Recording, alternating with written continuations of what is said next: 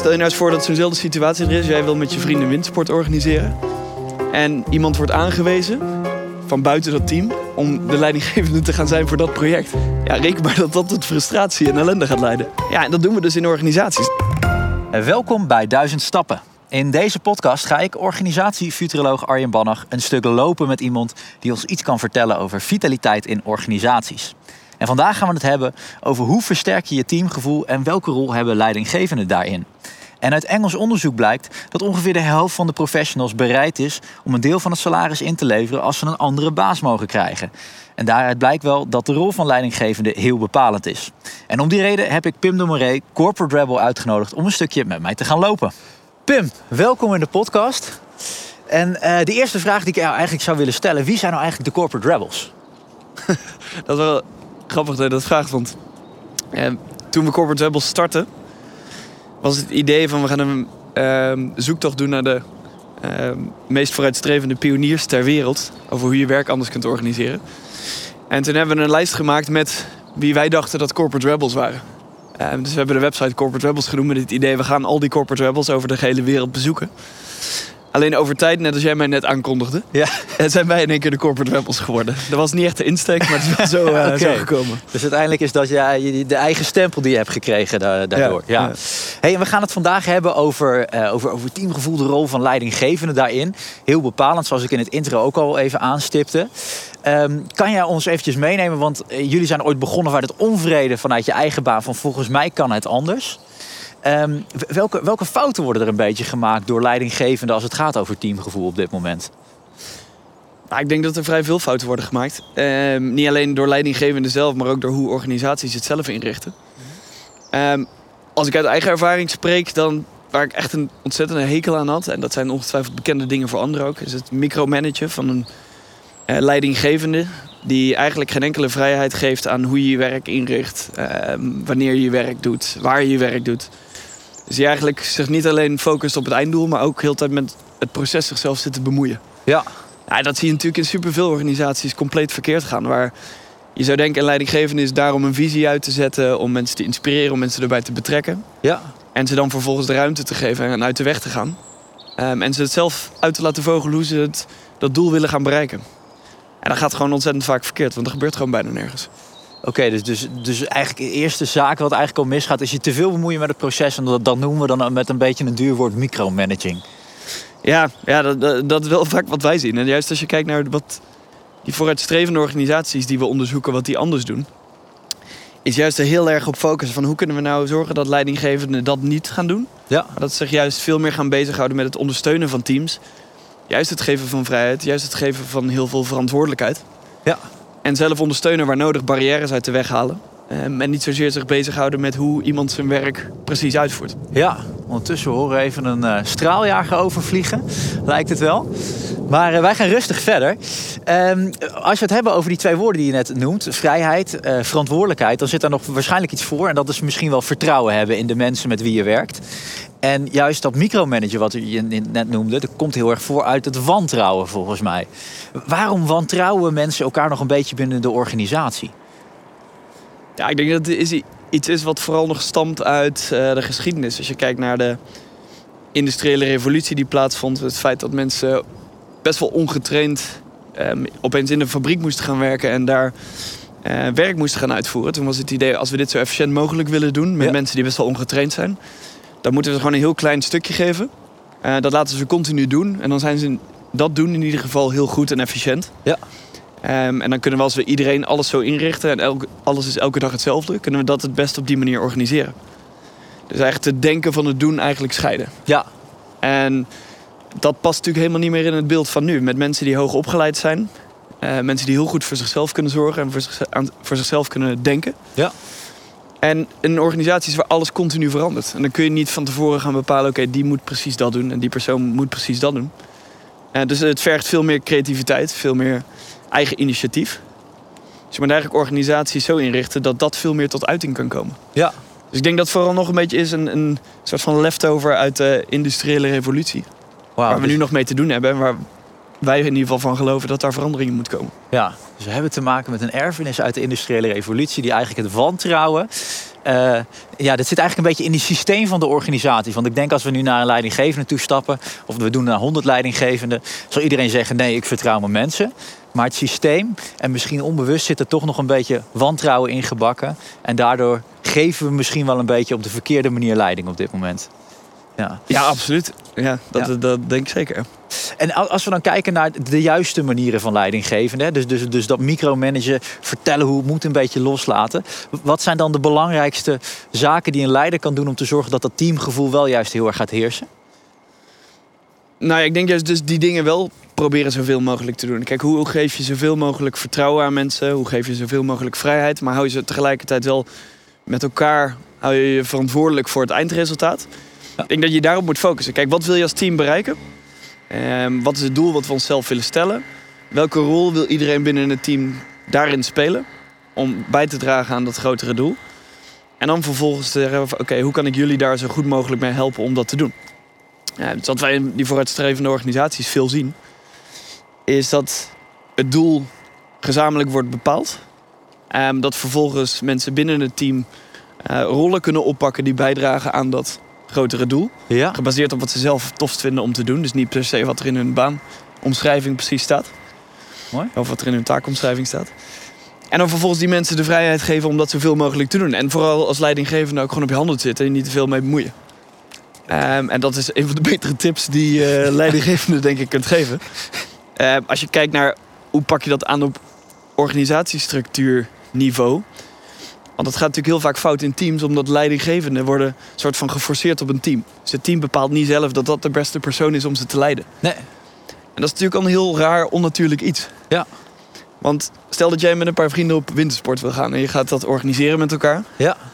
Dan staat er vanzelf iemand op die iets meer initiatief neemt dan anderen. Dus je krijgt automatisch een soort van leiding die dat zelf op zich wil nemen en de rest van de groep accepteert dat. Uh -huh. Sommige mensen vinden het ook prettig om iets meer te volgen. Maar stel je nou eens voor dat zo'nzelfde situatie er is. Jij wil met je vrienden windsport organiseren. En iemand wordt aangewezen van buiten dat team. Ja. Om de leidinggevende te gaan zijn voor dat project. ja. ja, reken maar dat dat tot frustratie en ellende gaat leiden. Dan komen mensen in opstand. Ja, en dat doen we dus in organisaties. Dat slaat gewoon nergens op om dat Nee. te doen. Maar in het grootste deel van organisaties doen we dat dus wel zo. Ja, hey, en daarin zien we, heb ik ook wel eens van, eh, van jullie gehoord, daarin zien we dus ook een soort trend dat, ehm, dat, dat, dat eh, leidinggevenden dus ook meer gekozen gaan worden door hun eigen teamleden. Ja, ja dat is waar ik zelf in ieder geval wel een grote voorstander van ben. Want het, het haalt gewoon juist dat onnatuurlijke eruit. En een team kan best wel zelf bepalen eh, wie het beste persoon is om hen naar succes te leiden. Ja. Ja. En dat hoeft niet eens altijd dezelfde persoon te zijn. Kan ook afhankelijk van een bepaalde situatie of een bepaald project zijn. Ja. En waardoor je veel meer dat natuurlijke leiderschap eigenlijk ruimte geeft om ook in organisaties te ontstaan. Ja. Hey, en heb je nou ook, want jullie doen natuurlijk onderzoek over de hele wereld naar vooruitstrevende werkplekken. Eh, dus, dus je zou eventjes kunnen zeggen dat je bijna ook een soort wandelende encyclopedie bent van best practices. Heb, heb je nou ook een voorbeeld van een organisatie waarvan je zegt, nou, de manier van leiding geven daar, dat, dat is echt een prachtig voorbeeld van hoe het teamgevoel goed versterkt wordt? Ja, om maar een beetje een extreem voorbeeld te noemen. Een eh, Chinees bedrijf. Ja. Ook een plek waar mensen dat niet heel snel zullen verwachten. Groot Chinees productiebedrijf die koelkasten en wasmachines en zo maken. Genaamd eh Hire. Ehm, en daar kiezen, leidinggev of daar kiezen de teams ehm, ook een eigen leidinggevende. Dus daar wordt eigenlijk gewoon door het team zelf bepaald... oké, wie is de beste persoon om ons naar succes te leiden... als dat op een gegeven moment niet meer zo is... en het team voelt dat daar een verandering in moet komen... Ja. dan is het aan het team zelf om dat te initiëren. En dan is er een vast proces voor om die persoon uit die rol te halen... en iemand anders daarin te zetten. Oh. Dus dat is een van die mooie voorbeelden waar dat kan. En waar dus juist van directief leiderschap heel erg meer naar dat ondersteunende of dienend leiderschap, hoe je het ook wil noemen. Ja. Dat meer daar naartoe gaat. Ja, precies. Maar wel weer ook een vrij radicale vorm. Ik kan me voorstellen dat voor veel luisteraars denken dat die op dit moment denken van ja, dat wordt misschien iets, een iets te grote stap om die nu te zetten in onze organisatie. Eh, wa- Wat zou een, een, een eerste, een kleinere stap daartoe kunnen zijn volgens jou? Nou ja, je kunt het heel simpel kunnen net iets anders aanpakken als je nog niet de ehm, vrijheid en dus het ook het vertrouwen aan teams durft te geven om zelf een leidinggevende te bepalen. Ja. Laat ze dan in ieder geval onderdeel zijn van bijvoorbeeld het proces van een nieuwe leidinggevende aannemen. Ehm, onderdeel van degene die interviewen en degene die beslissingen nemen. Kan een eerste kleinere stap zijn. Of als je al een leidinggevende op een bepaald team hebt, zorgt ervoor dat je ook veel meer bottom-up feedback krijgt. Dus dat die leidinggevende geëvalueerd gaat worden door het team zelf. Ja. En maak dat openbaar, maak het transparant binnen het team en bespreek dat goed. Dus je hebt natuurlijk tegenwoordig in heel veel organisaties de welbekende 360-degree feedback. Ja, ja, ja. Superleuk idee, maar vaak extreem slecht uitgevoerd.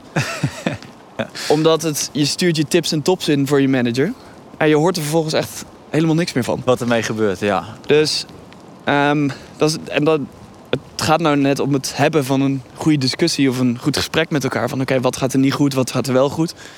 Hoe kunnen we zorgen dat dat wat niet goed gaat beter wordt en dat wat al goed gaat nog beter wordt? Ja, Dus dat zou een simpelere stap kunnen zijn om juist veel meer te zorgen dat je die feedback ook bottom-up van mensen richting leidinggevende gaat halen. mooi, mooi. Hey, en, dan, als ik dat dan zo aanhoor, dan denk ik dat, dat een codewoord hier weer dat stukje vertrouwen is. Wat er is, niet alleen tussen een leidinggevende en de medewerkers, maar ook wel misschien tussen medewerkers onderling. Dat je een soort ja, psychologisch veilige omgeving met elkaar hebt, waarin je ook echt durft uit te spreken. Heb, je daar wellicht nog eh, wat, wat, wat tips voor of wat dingen waarvan je zegt, nou die zijn echt belangrijk om te borgen in je omgeving. eh, om te zorgen dat die veilige omgeving er is waar vertrouwen is? Ja, ik denk er 100% gelijk in hebt. Dat om zo'n omgeving te creëren is die psychologische veiligheid, wat een beetje ook een buzzword aan het worden is, maar het is gewoon extreem belangrijk. Ja.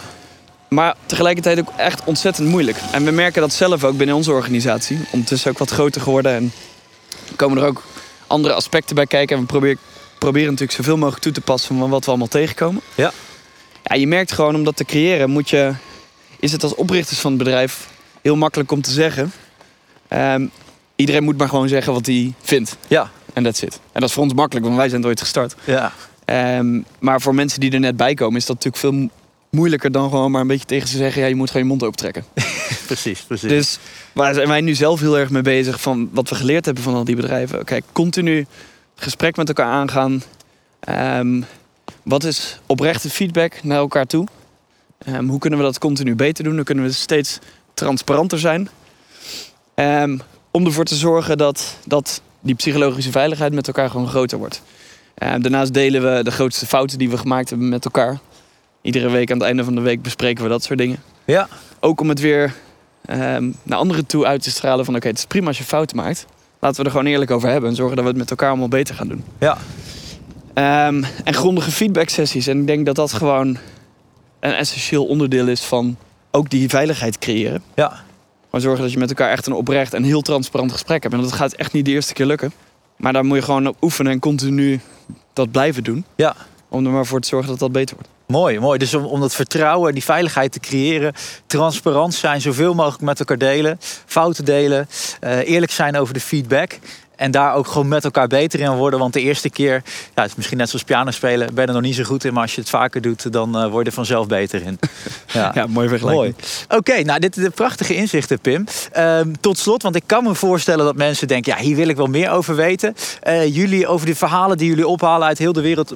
maken jullie een blog, jullie schrijven dat allemaal eh, op. En dat, dat, dat is te vinden op corporaterebels.com.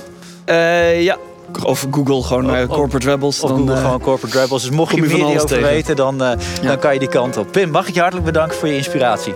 Graag gedaan. Dat waren de duizend stappen met Pim. En dan nu de vraag, heb je weer met ons meegelopen? Zo ja, complimenten daarvoor. Heb je dat dit keer niet gedaan, dan bij deze wel de uitnodiging... volgende keer weer lekker met ons mee te lopen. Wil je nou nog meer inspiratie? Dat kan. Ga dan naar www.zilverenkruis.nl slash zakelijk. En we hopen je bij de volgende podcast weer te mogen begroeten.